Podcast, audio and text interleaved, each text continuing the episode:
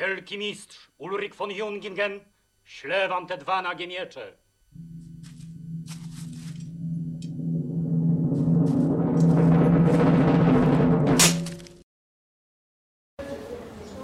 No dobrze, może rozpoczniemy w takim razie drugą część i drugi mini wykład. E, Ja nazywam się Igor Konkolewski, zajmuję się trochę krzyżakami, ale nie tymi krzyżakami spod bitwy pod Grunwaldem, nie tymi średniowiecznymi krzyżakami, tylko zajmuję się tematem, jak zapamiętaliśmy krzyżaków jakie mity stworzyliśmy na kanwie prawdziwych wydarzeń historycznych związanych z krzyżakami. E, I y, chciałbym dzisiaj o tym z Wami porozmawiać. E, To, o czym mówił mój kolega Krzysztof Kowalewski, to była historia, tak to nazywamy między sobą, między historykami, historia pierwszego stopnia, czyli historia, która odpowiada na pytanie, jak w rzeczywistości było, jak było naprawdę. Mm, Natomiast ja chciałbym się zająć historią drugiego stopnia, jak to nazywamy wśród historyków, czyli chciałbym się zająć problemem mitów, legend, które narosły wokół krzyżaków i chciałbym Wam pokazać, w jaki sposób krzyżacy tkwią w naszej codzienności, e, w dniu dzisiejszym. W jaki sposób się stykamy z krzyżakami, nie zauważając krzyżaków, nie dociera do nas, że mamy z wydarzeniami związanymi, związanymi z historią e, we krzyżaków kontakt właściwie codzienny. I dlatego przygotowałem kilka kserokopii, które mają pokazać, w jaki sposób kształtowała się pamięć, pamięć społeczeństwa, społeczeństwa polskiego, trochę również pamięć społeczeństwa niemieckiego o krzyżakach w ciągu ostatnich 500 lat. Czyli od momentu, kiedy na dobrą sprawę zakończyła się ta prawdziwa historia o krzyżakach. A zakończyła się ona jakim wydarzeniem?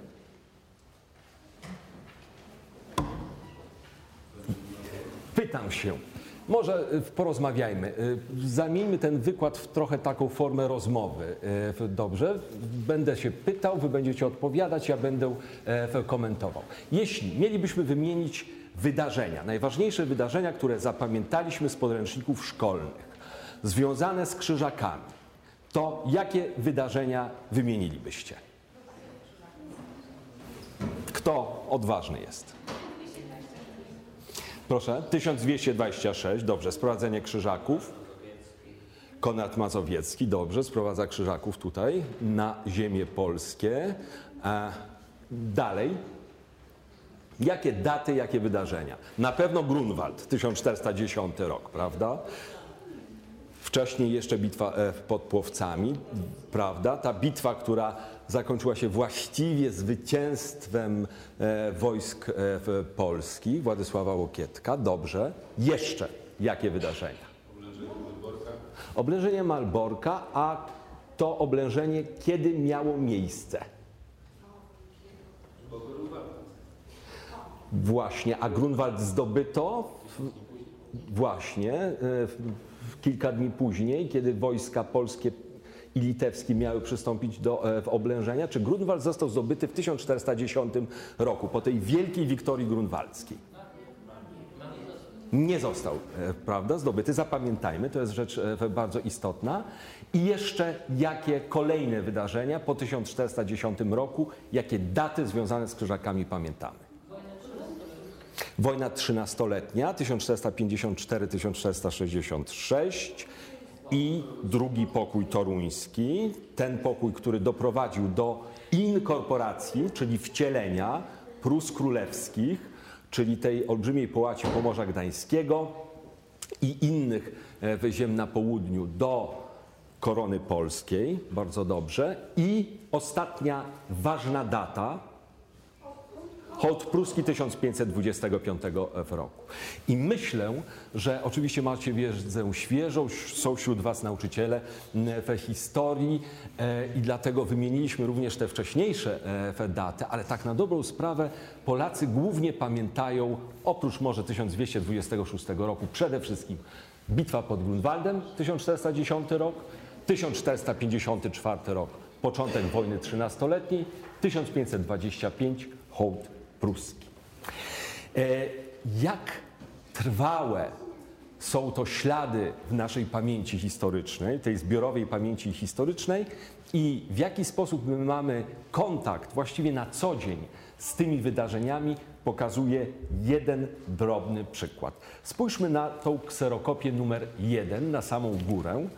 Mm, widzimy przedmiot, z którym mamy bardzo często do czynienia, przynajmniej no, Niektórzy z nas mają bardzo często, niektórzy z nas mają mniej często, bo jest to banknot o wysokim nominale 100 złotowy. I spójrzmy na rewers tego banknotu. Co na nim widzimy? Widzimy w pierwszym rzędzie orła jagiellońskiego w koronie, e, w oczywiście, i zwróćmy uwagę, co pod jego szponami, pod jego stopami zostało umieszczone przez projektanta tego banknotu. Banknot został wprowadzony w życie e, w połowie lat 90. ubiegłego wieku, e, w połowie lat 90. XX stulecia. Widzimy dwa miecze grunwaldzkie, przykryte płaszczem, płaszczem oczywiście białym z czarnym krzyżem. E, jest to symbol Grunwaldu. My dwa miecze zawsze kojarzymy z bitwą grunwaldzką i ze sceną, która wcześniej przez Krzysztofa Kowalewskiego została opisana. Jeszcze przed nim opisał ją Jan Długosz w swoich e, kronikach. E, natomiast co widzimy w tle? Ponieważ to odniesienie, dwa miecze i biały płaszcz czarnym krzyżem jest to odniesienie do Wielkiej Wojny z zakonem krzyżackim 1409-1410. To jest również odniesienie do bitwy grunwaldzkiej. Natomiast co widzimy w tle? Panoramę ja Malborka. Malborka, który nie został wtedy zdobyty. Jak tutaj słusznie powiedziano, został zdobyty dopiero w trakcie wojny trzynastoletniej, a właściwie nie zdobyty, ale wykupiony z rąk czeskich najemników w 1457 roku po raz pierwszy. Później jeszcze był przez pewien czas obsadzany przez e, krzyżaków. Słuchajcie, mamy tutaj do czynienia z niczym innym jak z pewnym przekłamaniem historycznym. Albo projektant zapomniał daty historyczne i zapomniał, że Malbork nie został zdobyty w 1410 roku, albo świadomie połączył dwie odległe o 40, ponad 40 lat wojny, prawda? I połączył bitwę pod Grunwaldem z 1410 roku z wykupem Malborka z 1457 roku. Błąd świadomy czy nieświadomy? No, no więc właśnie, raczej należałoby wątpić, że ktoś niedoinformowany zaprojektował grafikę e, awersu banknotu 100-złotowego. Jeśli jest to świadome przekłamanie, to dlaczego? W jakim celu projektant połączył te dwa wydarzenia? Po co? Jak sądzicie?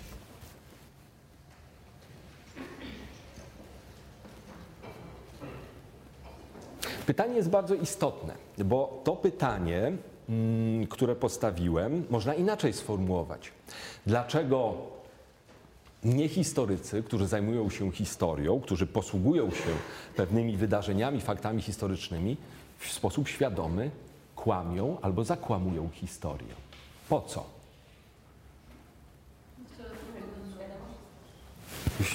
Proszę. Aha. Rozmycie. Mhm. Albo jeszcze jaka inna jest możliwość tutaj? Propaganda sukcesu. Propaganda sukcesu, prawda? Można by to tak hasłowo e, sformułować. Łączymy ze sobą dwa wydarzenia, które są wydarzeniami e, jak najbardziej zwycięskimi dla strony e, polskiej. Łączymy je właściwie na jednej przestrzeni po to, ażeby wzmóc naszą dumę E, i e, nasze przekonanie o dwóch różnych zwycięstwach w dwóch różnych e, okresach. Chciałbym zastanowić się z Wami wspólnie, jak doszło do ukształtowania się wielu mitów, które są związane z krzyżakami. Mm, I te mity nie były w polskiej świadomości historycznej e, pozytywne. One e, raczej tworzyły coś, co można określić jako czarną legendę zakonu krzyżackiego. Od kiedy e, zaczęły powstawać mity, uprzedzenia, stereotypy polskie, które były wrogie we krzyżakom? One zaczęły kształtować się bardzo wcześnie, właściwie od XIV wieku. E, przypominacie sobie z podręczników szkolnych, że doszło wtedy, w pierwszej połowie XIV wieku, do dwóch procesów polsko-krzyżackich. E, one są opisywane w podręcznikach. My znamy ze źródeł wypowiedzi świadków ze strony polskiej, którzy świadczyli przeciwko krzyżakom, przeciwko ich zaborczej polityce i te wypowiedzi były już wtedy bardzo emocjonalnie naładowane agresją, nieprzychylnością wobec e, krzyżaków. Później mamy mm, rozmaite wypowiedzi Polaków z okresu średniowiecza, m.in. Pawła Włodkowica podczas Soboru w Konstancji w 1414 roku, bardzo antykrzyżackie. Opisy bitwy grunwaldzkiej, Wielkiej Wojny, innych sporów z krzyżakami w kronikach e, Jana Długosza również są bardzo krzyżakom nieprzychylne, są naładowane, powiedziałbym, agresją wobec krzyżaków. E, ale to wszystko były rzeczy zrozumiałe, skoro wtedy w tamtym okresie, w okresie, w epoce średniowiecza, toczyliśmy wojny z krzyżakami. Krzyżacy byli naszymi przeciwnikami. O wrogach mówi się z reguły źle i mówi się w reguły, z reguły we wrogi, agresywny sposób.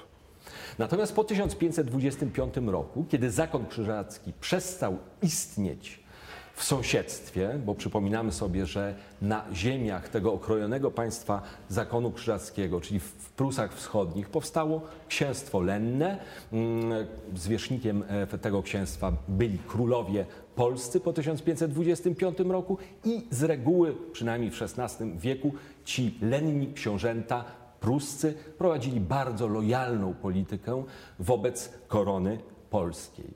A mimo to i w XVI, i w XVII, i w XVIII wieku utrzymywał się taki złowrogi wizerunek krzyżaków. Dlaczego? Dlaczego ten wizerunek złego krzyżaka był tak trwały w pamięci historycznej Polaków? I zadajmy sobie jeszcze dodatkowe pytanie, w którym regionie Polski, ówczesnej korony Królestwa Polskiego, ta niechęć była najsilniejsza? Spotykamy od XVI do XVIII wieku, czyli w okresie wczesnej nowożytności, rozmaite wypowiedzi Polaków, e, które świadczą o tym, że pamiętano Grunwald, e, świadczą o tym, że zapamiętano krzyżaków w zły sposób. Ale najbardziej intensywna niechęć, wrogość wobec krzyżaków utrzymała się zwłaszcza w jednym regionie. Mianowicie były to Prusy Królewskie, czyli ta część dawnego państwa zakonnego, e, która została w 1454 roku, na początku wojny trzynastoletniej, inkorporowana, wcielona do Królestwa Polskiego. Czyli Pomorze Gdańskie, czyli ziemia chełmińska, to były najważniejsze części Prus królewskich. E, profesor Janusz Tazbir twierdzi, opierając się na źródłach, że nawet w XVII stuleciu e, w Prusach Królewskich, chcąc kogoś obrazić, nazywano go krzyżakiem. To był inwektyw. To e, było obraźliwe e, sformułowanie. Dlaczego w Prusach Królewskich zatem, kolejne pytanie, ta niechęć wobec krzyżaków była najbardziej intensywna, była najsilniejsza w tym okresie od XVI do XVIII wieku. E, mamy wiele śladów, które potwierdzają tę e, niechęć, oprócz tego obraźliwego sformułowania ty krzyżaku, które się, e, którym się posługiwano wobec osób, których nie lubiano. I chciałbym zwrócić Waszą uwagę właśnie na ślady tej niechęci.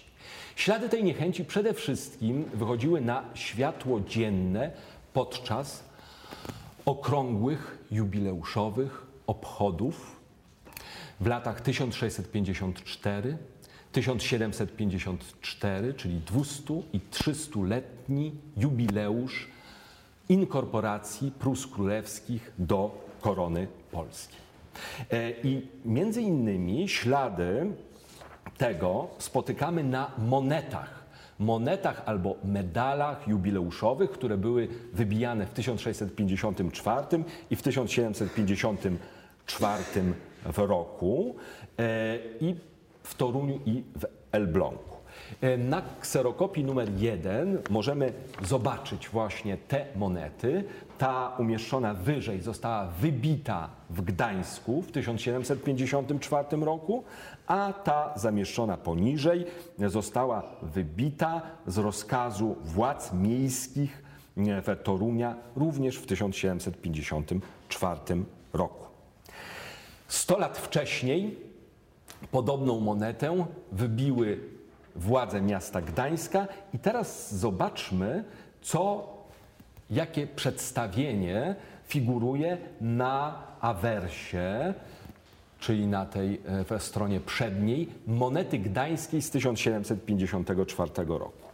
To przedstawienie z 1754 roku jest bardzo podobne do przedstawienia o 100 lat wcześniejszego. Otóż widzimy tutaj większego orła polskiego, który nosi na, głowę, na głowie koronę i obok niego mniejszego orła, e, który nie ma korony na głowie, tylko ma koronę tak zsuniętą na szyję. To jest orzeł Prus Królewskich, prowincji Królestwa Polskiego. Co ten polski orzeł depcze?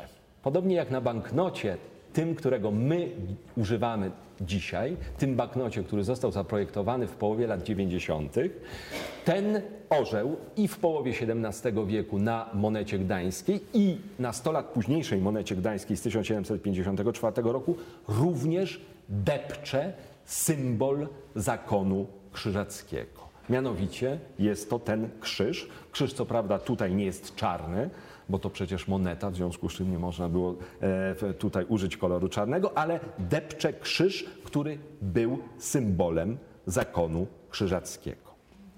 Co jest rzeczą bardzo istotną, to inskrypcje, czyli napisy, które okalają e, te monety. Na tych napisach powtarza się zawsze, powtarzają się właściwie pewne sformułowania. Mianowicie, że w roku 1454 król Polski Kazimierz Jagiellończyk wybawił poddanych zakonu krzyżackiego z jarzma tyranii krzyżackiej i dał stanom pruskim, społeczeństwu pruskiemu wolność. E, mamy na tych monetach, na tych inskrypcjach, na tych napisach takie przeciwstawienie. Z jednej strony tyrania, czyli okrutne rządy, rządy łamiące prawo zakonu krzyżackiego, z drugiej zaś strony wolność ofiarowana społeczeństwu pruskiemu, stanom pruskim przez króla polskiego. I e, tego typu przeciwstawienie powtarza się nie tylko na monetach. Te jubileusze z roku 1654, 1754 miały bardzo bogatą oprawę. Mm, obchodzono je e, w, na różne sposoby. Uroczyste bicie w dzwony w miastach takich jak Gdańsk, Elbląg, Toruń, pochody, które ciągnęły pomiędzy kościołami, upamiętniające to wydarzenie inkorporacji Prus Królewskich do korony e, polskiej, uroczyste mowy profesorów gimnazjów w Prusach Królewskich, to znaczy gimnazjum w Gdańsku, w Elblągu, w Toruniu. Uwaga, ówczesne gimnazja to nie były tak jak dzisiaj gimnazja, czyli szkoły średnie, tylko to były wyższe uczelnie, coś na wzór raczej uniwersytetów, które dysponowały znakomitą kadrą nauczającą oraz już dorosłymi, prawie dorosłymi, to znaczy takimi nastolatkami już, którzy weszli mm, w drugą część drugiego dziesięciolecia swojego e, życia. I podczas tych mów oratorskich, przedstawień szkolnych, rozmaitych utworów muzycznych, które były komponowane mm, z okazji tych jubileuszy, e, zawsze powtarza się ten motyw. Jarzmo tyranii krzyżackiej, złamane w 1454 roku. 1454 rok jako najważniejsza data w dziejach Prus Królewskich i wolność, która zostaje ofiarowana przez króla polskiego stanom, czyli społeczeństwu e, Prus e, Królewskich. E, mamy do czynienia z rozmaitymi mm, podczas tych obchodów jubileuszowych zabiegami, które miały lepiej uzmysłowić ówczesnym ludziom, jak ważnym wydarzeniem był rok 1454. Pozwólcie, że przeczytam fragment kroniki, bardzo mało znanej e, kroniki, która została napisana na przełomie XVII i XVIII wieku, ukazała się drukiem w 1722 roku, a została napisana przez zamożnego mieszczanina toruńskiego. E, nazywał się on Jakob Heinrich Cerneke. E, jak większość zresztą mieszczan toruńskich, nie posługiwał się na co dzień językiem polskim, tylko posługiwał się językiem niemieckim. E, te najbogatsze warstwy Gdańska, Torunia, Elbląga używały języka niemieckiego na co dzień, nie posługiwały się językiem polskim, a mimo to były bardzo przywiązane i do Królestwa Polskiego, i do całej Rzeczpospolitej. I co tenże Cerneke, Jakob Heinrich Cerneke pisał w swojej kronice pod datą 1654 rok. Otóż tak pisał, cytuję. 6 lutego celebrowano po raz wtóry uroczystym biciem we wszystkie dzwony w mieście Toruniu jubileusz szczęśliwego uwolnienia od tak uciążliwego jarzma krzyżackiego. Dalej Cerneke opisuje następny akt jubileuszowych obchodów, którego odsłona nastąpiła latem 1654 roku, gdy na wyremontowanym dachu wieży kościoła Najświętszej Marii Panny w Toruniu umieszczono nową, wieńczącą go kulę na tym dachu, na tej kopule, wraz z umocowaną na tej kuli gwiazdą. Gwiazda ta miała przypominać kometę, która ukazała się nad miastem, nad miastem Toruniem w poprzednim roku. Do tej kuli 13 lipca 1654 roku włożono sporządzoną przez jednego z profesorów gimnazjum toruńskiego inskrypcję, czyli napis. Napis ten był wyryty na złotej tabliczce i jej obszerny fragment upamiętniał wcielenie Prus Królewskich w 1454 roku i zrzucenie jarzma tyranii krzyżackiej.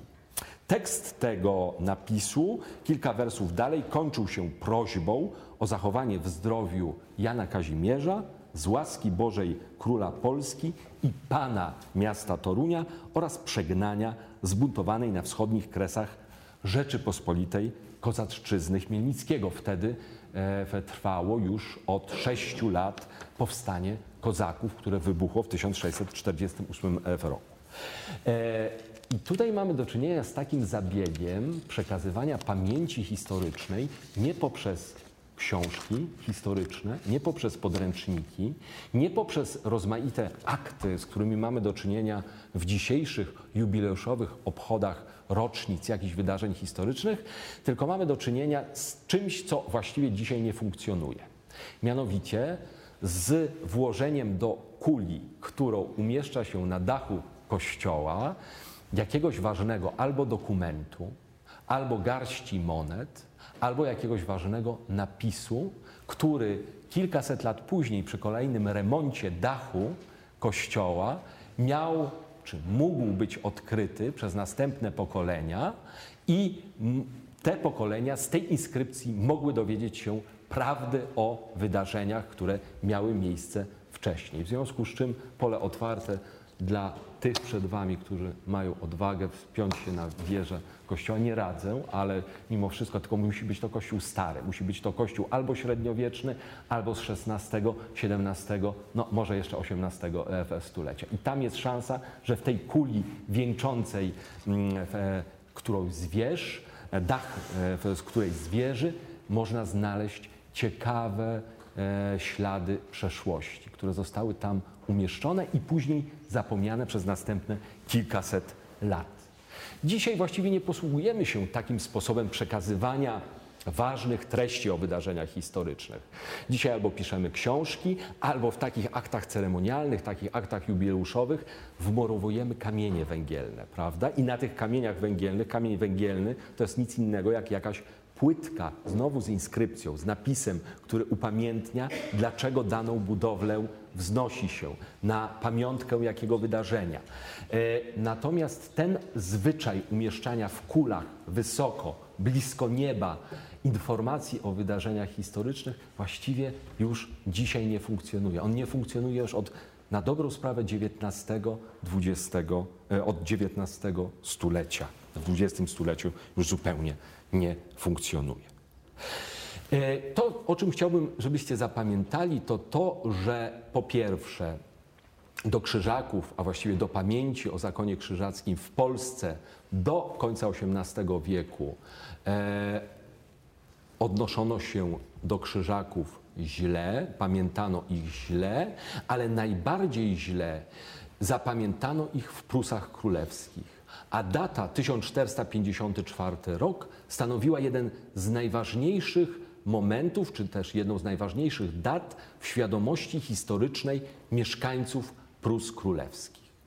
W trakcie rozbiorów, po pierwszym rozbiorze i po trzecim rozbiorze, kiedy Prusy Królewskie zostały włączone do Królestwa Pruskiego, e, ta data zupełnie straciła na aktualności, na e, aktualności propagandowej. Ona przestała oznaczać cokolwiek, bo przestało przecież istnieć również państwo polskie. I na dobrą sprawę my w naszej świadomości historycznej, polskiej świadomości historycznej, stworzyliśmy taki wrogi obraz krzyżaków, krzyżactwa dopiero w XIX wieku. Od XIX wieku krzyżacy zaczęli być kojarzeni e, przez e, dużą część polskiego społeczeństwa z takimi cechami jak krwiożerczość, e, agresywność, kłamstwo, łamanie prawa, Częściowo te elementy już występowały wcześniej, ale one przede wszystkim były ograniczone do Prus Królewskich. A w XIX wieku dochodzi do upowszechnienia tego złowrogiego, powiedziałbym więcej, tego diabolicznego wizerunku krzyżaków. Takiego wizerunku, z jakim spotykamy się między innymi przy lekturze e, powieści Henryka Sienkiewicza e, Krzyżacy.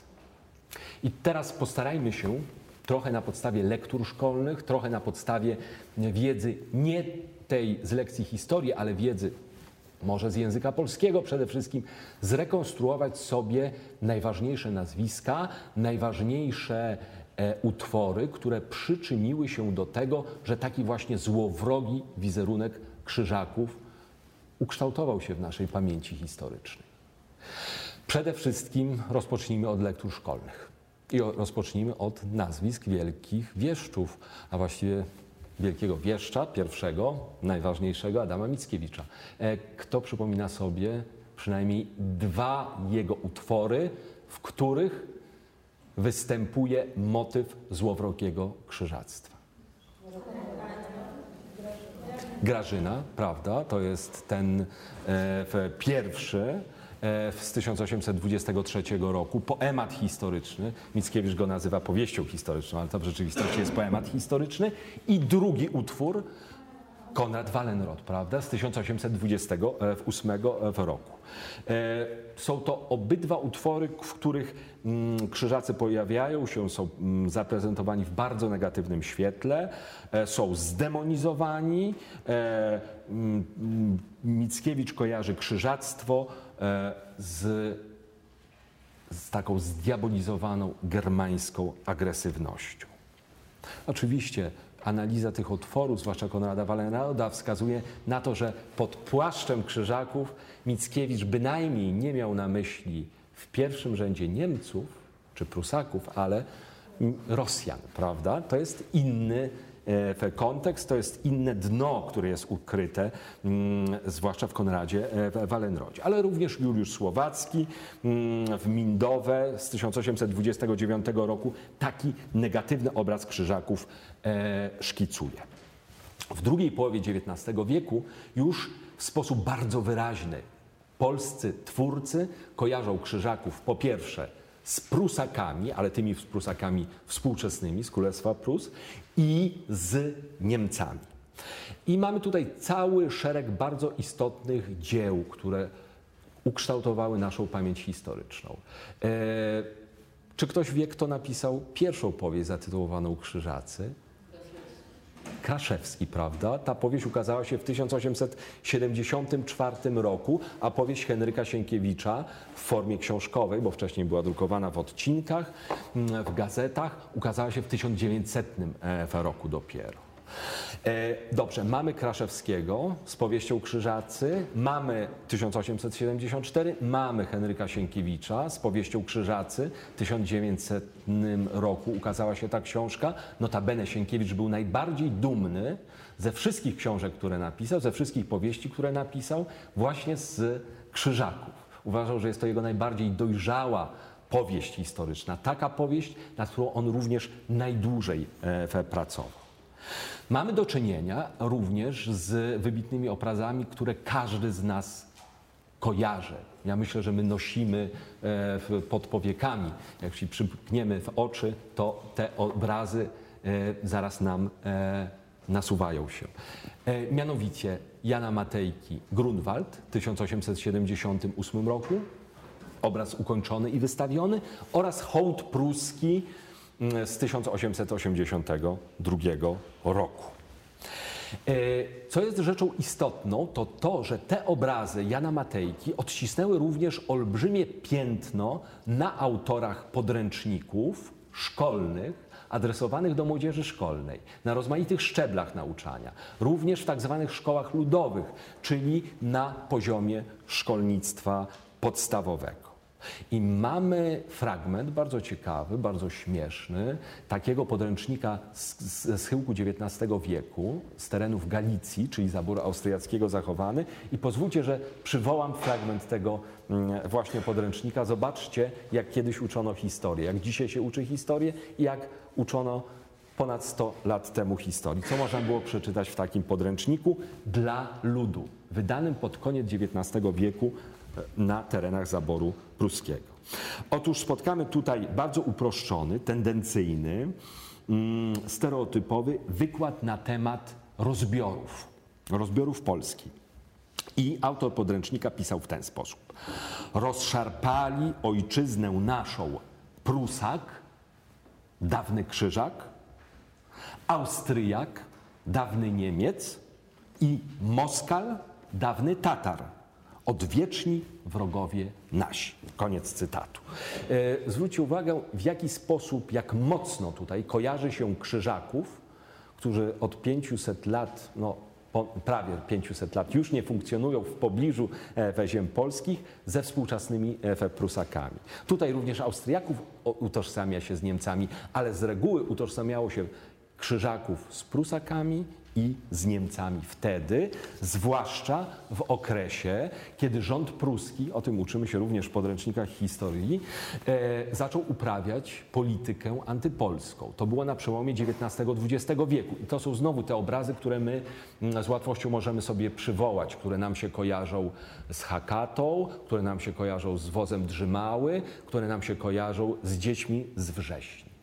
I wtedy, właśnie w tym okresie, okresie prześladowań polskości pod zaborem pruskim, powstaje bardzo ważny utwór w dziejach literatury polskiej, e, który znany jest e, po dziś dzień, a ja myślę tutaj o rocie Marii Konopnickiej.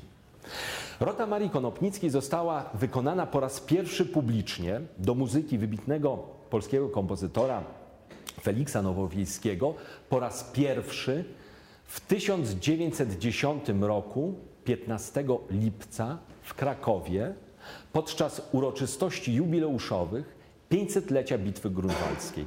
E, czy ktoś z Was był w Krakowie, z młodzieży?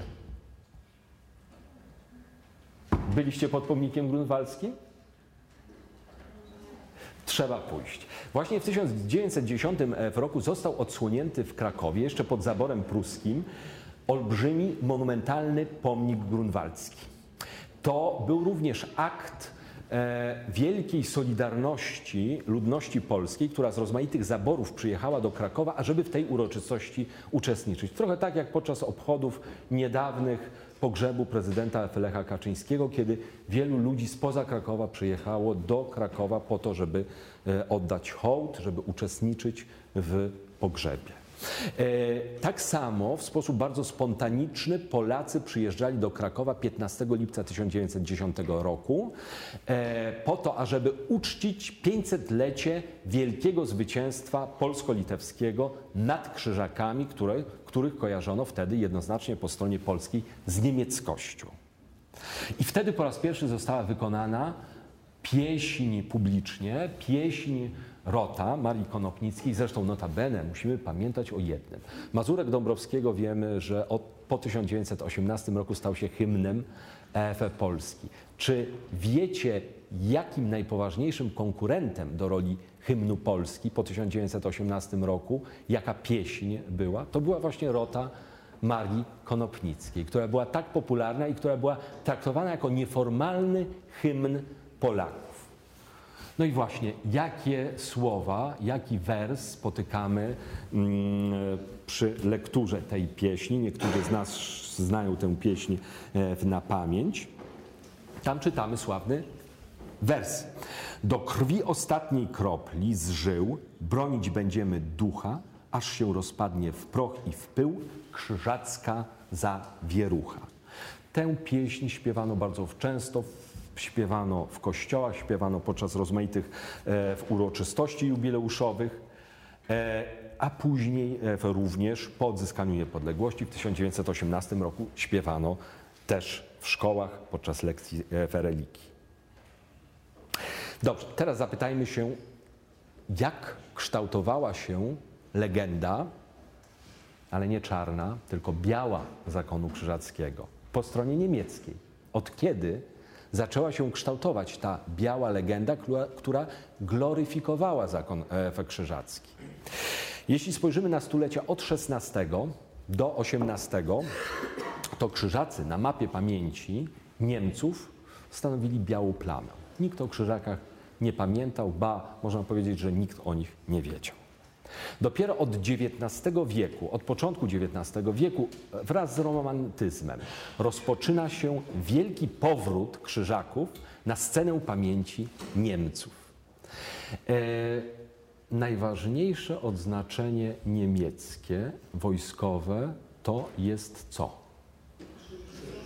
Krzyż żelazny. Kiedy krzyż żelazny został ustanowiony? Czy może ktoś pamięta? W 1813 roku większość Niemców, inaczej niż Polacy, była przeciwko Napoleonowi. Większość państw niemieckich walczyła w koalicji antynapoleońskiej. I w 1813 roku król Prus ustanowił jako najwyższe odznaczenie wojenne, odznaczenie, które mogło być przyznane każdemu żołnierzowi, od szeregowego po generała, ustanowił krzyż żelazny. Krzyż żelazny był e, wzorowany na czym? Pytanie jest czysto retoryczne, bo wszyscy znamy odpowiedź. Był wzorowany oczywiście czarny krzyż na białym tle, jak najbardziej na emblemacie zakonu krzyżackiego. I to oznacza wielki powrót, na razie w formie tego żelaznego krzyża, krzyżaków do pamięci zbiorowej Niemców. Drugi akt, kto był w Malborku? Czy przypominacie sobie, jak długo Malbork, bo Malbork był bardzo zniszczony po tym, jak Prusacy zajęli zamek malborski mm, w 1773 roku.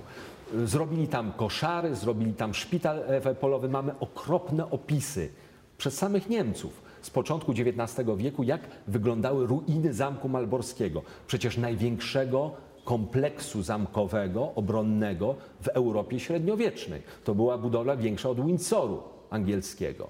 E, opisy to są straszne. Już nie będę tutaj w, w, mówił, jak największy poeta e, niemieckiego, czy jeden z największych poetów niemieckiego romantyzmu, Józef e, Eichendorff, e, opisywał e, widok Malborka na początku XIX wieku, ale to, to był widok okropny, kompletnej ruinacji od kiedy zaczęto ten zamek odbudowywać z myślą o tym, żeby go uczynić wielkim muzeum, które miało upamiętniać pamięć o zakonie, pamięć niemiecką.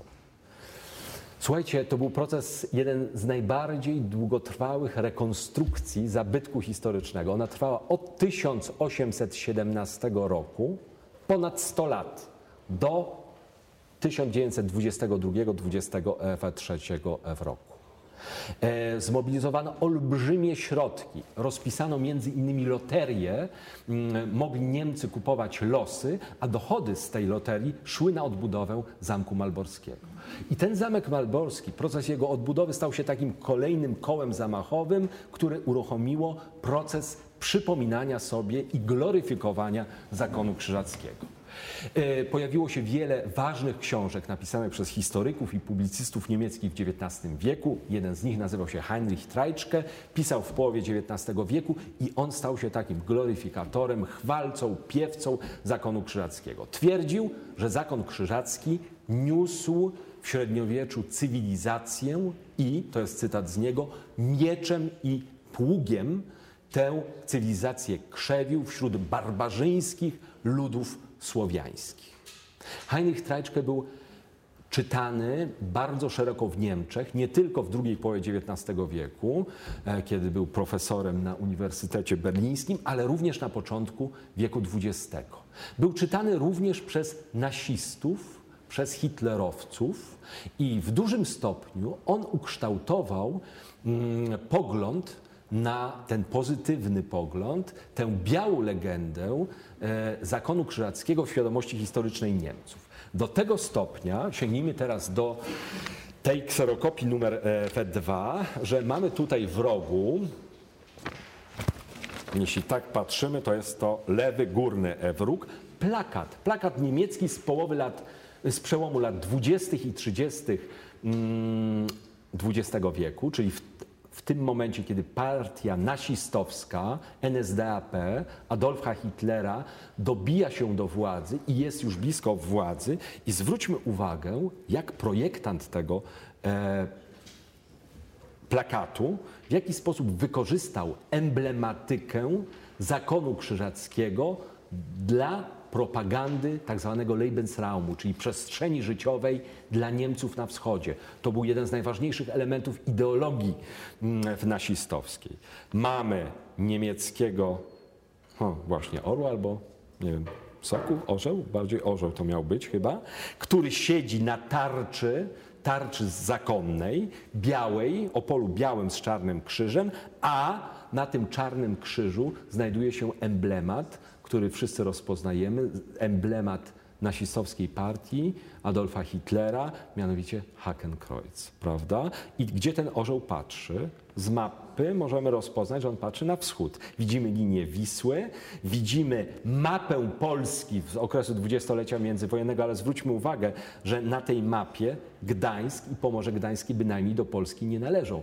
One tutaj już wedle pretensji nasistowskich należą do Wielkiej Rzeszy, która dwa lata później, trzy lata później będzie zadeklarowana przez Adolfa Hitlera jako tysiącletnia Rzesza. I ta emblematyka zakonu krzyżackiego, Czarny Krzyż, na Białym Polu była bardzo często używana przez mm, propagandę niemiecką, nasistowską od 1933 roku poprzez cały okres II wojny światowej aż do 1945 roku ale również strona polska bardzo chętnie sięgała w swojej pamięci historycznej do używania emblematyki krzyżackiej dla propagandy polskiej. Przykład, który był bardzo popularny, znany mm, w pokoleniu moich dziadków, e, którzy pamiętali II wojnę światową, mianowicie plakat, ten na kserokopii numer 2 e, po stronie prawej. Grunwald 1410, Berlin 1945 rok.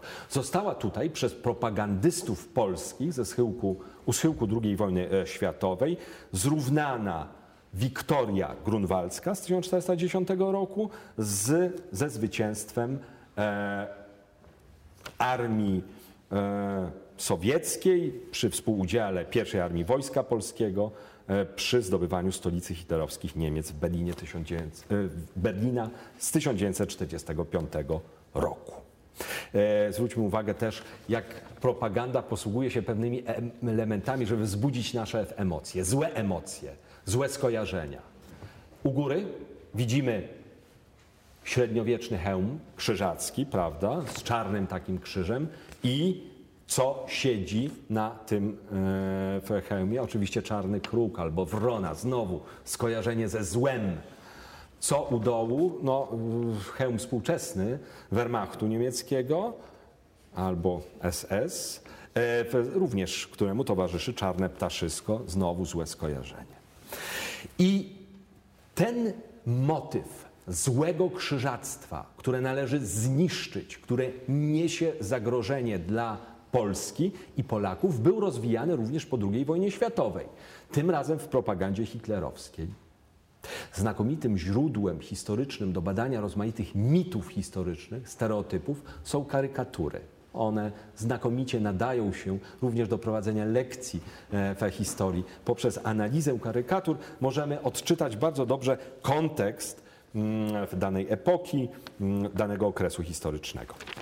Słuchajcie, tutaj mamy dwie karykatury, które pokazują kanclerza Niemiec Zachodnich, czyli Republiki Federalnej Niemiec e, z lat 50., początku 60., pierwszego kanclerza Republiki Federalnej Niemiec, czyli Niemiec Zachodnich. Tych Niemiec, które były związane ze światem zachodnim, ze światem, jak wcześniej mówiono w PRL i w innych krajach socjalistycznych, ze światem kapitalizmu, wrogiego kapitalizmu, obozu kapitalistycznego, wrogiego obozowi socjalistycznemu. E, zwróćmy uwagę, że Konrad Adenauer przez polskiego karykaturzystę został ubrany tutaj w płaszcz zakonnika krzyżackiego. No a kto wygląda spod płaszcza Adenauera? No, Hitler albo jakiś SS-man, prawda? Jasne skojarzenie, jasna asocjacja znowu z nazistami. I znowu, e, krzyżak to przecież w języku polskim z małej litery, nie z dużej pisane, ale z małej litery to pająk, prawda? I znowu złowrogie skojarzenie jadowitego pająka z e, kanclerzem Niemiec Konradem Adenauerem. E, Te karykatury o czym świadczyły? Świadczyły o tym, że w latach 60., bo one pochodzą z lat 60., mieliśmy nie tylko wrogie wyobrażenie o krzyżakach, tych sprzed 500 ponad e, lat, ale również to wrogie skojarzenie o krzyżactwie nakładaliśmy na współczesnych Niemców, bo propaganda PRL-owska, PRL, władze PRL-u ciągle mówiły o zagrożeniu ziem polskich, zwłaszcza tych ziem tak zwanych odzyskanych po 1945 roku ze strony mm, RFN-u, ze strony Republiki Federalnej Niemiec.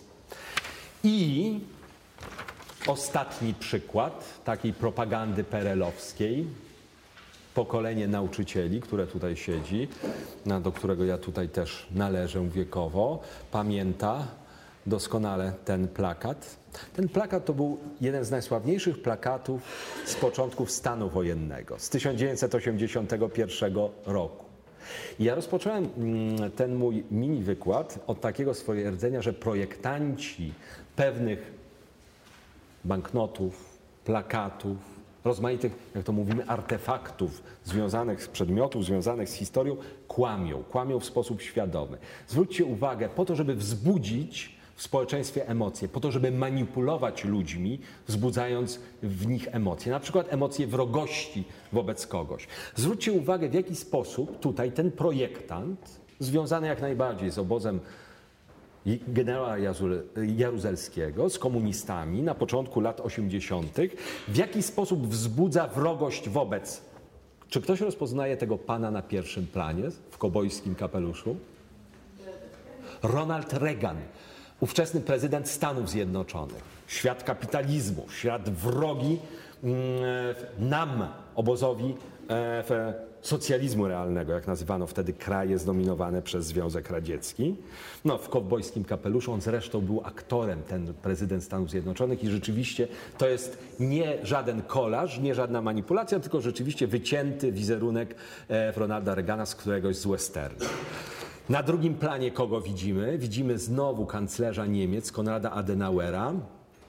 Jeśli się pojawi takie pytanie w dyskusji, to ja wyjaśnię skąd ten płaszcz u niego, ale on jest odziany w płaszcz zakonnika krzyżackiego, no i z tyłu jakiś tam krzyżak spod Grunwaldu, prawda? E, w związku z czym mamy tutaj od Grunwaldu 1410 roku odwieczne zagrożenie krzyżackie, czytaj niemieckie, poprzez postać Konrada Adenauera aż do Ronalda Reagana. Kowboj Ronald Reagan został spadkobiercą tradycji krzyżackiej, prawda? Amerykanie stali się kontynuatorami odwiecznego zagrożenia krzyżackiego, czytaj zagrożenia niemieckiego. I znowu, już kończę, e, chciałem przypomnieć temu pokoleniu, które pamięta, czyli nam, nauczycielom, e, w jaki sposób uczestnicząc w nabożeństwach w latach 80., w tych nabożeństwach, które były związane z nurtem solidarnościowym, z nurtem niepodległościowym, jakie pieśni część z nas przynajmniej śpiewała w kościołach. Otóż w tamtym okresie na początku lat 80., no oczywiście tak, ojczyznę wolną racz nam wrócić e, w Panie, to był e, ten motyw, e, ten, ten wers Boże coś Polskę, ale to była pieśń, która, która została skomponowana dopiero po 1815 roku i tam o krzyżactwie nic nie było. Natomiast wielki renesans w latach 80. przeżywała rota Marii Konopnickiej. I ten wers, który napisała poetka, aż się rozpadnie w proch i pył krzyżacka zawierucha, wtedy zmieniono na aż się rozpadnie w proch i pył sowiecka zawierucha. Zwróćcie uwagę, w jaki dowolny sposób my czasami, nawiązując do motywów historycznych, używając tych motywów historycznych, w zależności od sytuacji, nakładamy je na zupełnie, zupełnie inne mm, osoby, postacie, narody. Coś, co było symbolem zagrożenia niemieckiego, w tej pieśni zostaje użyte jako symbol zagrożenia e, ze strony sowieckiej, ze strony Związku Radzieckiego. Wydaje się, że po odzyskaniu niepodległości, po 1989 roku, już ten, e, ta pamięć, zła pamięć o krzyżakach zaczyna powoli, powoli e, wyczerpywać się, zaczyna powoli ginąć. Młodzi ludzie uczestniczą w grupach rekonstrukcyjnych, które przebierają się w szaty zakonne, wyruszają pod Grunwald, ażeby uczestniczyć w tych rekonstrukcjach bitwy, bynajmniej nie po stronie polskiej, ale z przyjemnością po stronie krzyżackiej. Co więcej, radni związani z E, radni e, miasta Torunia, a właściwie część radnych, albo może część osób związana z Radą Miejską, kilka lat temu wysunęła projekt niesłychany. Otóż zaproponowali, ażeby w środku miasta postawić pomnik dwóm krzyżakom. Hermanowi von Calca i Hermanowi von Balk. E, Herman von Salza był e, mistrzem Wielkim Zakonu Krzyżackiego w 1226 roku. To on przysłał krzyżaków tutaj na, e, ziemię polskie na zaproszenie Konrada Mazowieckiego. A Herman von Balk był mistrzem krajowym, który stworzył na ziemiach podbitych na Prusach, stworzył państwo zakonne w Prusach i był założycielem również miasta Torunia. I ze strony polskiej na początku lat 2000 wychodzi inicjatywa, ażeby tym dwóm krzyżakom postawić pomnik jako założycielom miasta Torunia. Zwróćmy uwagę, jak w ciągu tych ostatnich kilkunastu lat, od 1989, może od lat 80., nagle przestajemy otaczać krzyżaków taką niechęcią i taką wrogością, która towarzyszyła naszej pamięci historycznej, naszej, to znaczy polskiej, przez prawie 500 lat. Zaczynamy się otwierać na Niemców, a poprzez to inaczej, łaskawiej również spoglądać na efekt krzyżaków. E, Po stronie niemieckiej krzyżacy po II wojnie światowej, krzyżacy zostali właściwie można powiedzieć zapomniani. Oni funkcjonują w podręcznikach szkolnych, ale pozwólcie, że przytoczę mm, krótkie zdanie. Heinrich Olszowski nazywa się, wybitny slawista niemiecki, który stwierdził tak. Cytuję: Mogę powiedzieć, że krzyżacy w świadomości współczesnej Niemców nie odgrywają żadnej roli. Trzeba wkuwać ludziom w głowy, co to w ogóle takiego było. Może przyjeżdżając do Polski, spotykając się z wypowiedziami Polaka na temat Grunwaldu, Niemiec, Niemcy, młodzi Niemcy zechcą się dowiedzieć czegokolwiek o historii zakonu krzyżackiego. W związku z czym słowo krzyżak zaczyna się w coraz mniejszym stopniu w ciągu ostatnich lat kojarzyć z Niemcami i być może pozostanie w przyszłości, jeśli te stosunki polsko-niemieckie będą dobre, tylko i wyłącznie nazwą tego jadowitego gatunku pająków. W związku z czym ze świata historii, pamięci historycznej przeniesie się tylko i wyłącznie w świat biologii, Podobnie zresztą w świecie biologii, na tym już kończę, chciałem zwrócić uwagę, że pewne stereotypy historyczne e, mają dużą trwałość. Otóż e, jadowity pająk został nazwany krzyżakiem, a karaluchy, zwierzęta, których nie lubimy, prawda, i które, do których się odnosimy z urazą, Zwróćmy uwagę, że w języku polskim na tych terenach, które znajdowały się pod rozbiorem rosyjskim, są nazywane Prusakami. Prawda? Natomiast na terenach, które były pod zaborem austriackim albo pod zaborem pruskim, jak są nazywane? Rusakami. Także żywotność stereotypów w świecie biologii jest bardzo długotrwała. No, być może tylko nazwa tego jadowitego gatunku pająka, krzyżak, będzie nam kojarzyć się na przyszłość w sposób negatywny z krzyżakami, a my będziemy na nich spoglądać coraz bardziej, jeśli nie łaskawym, to przynajmniej neutralnym okiem. Dziękuję. To wszystko.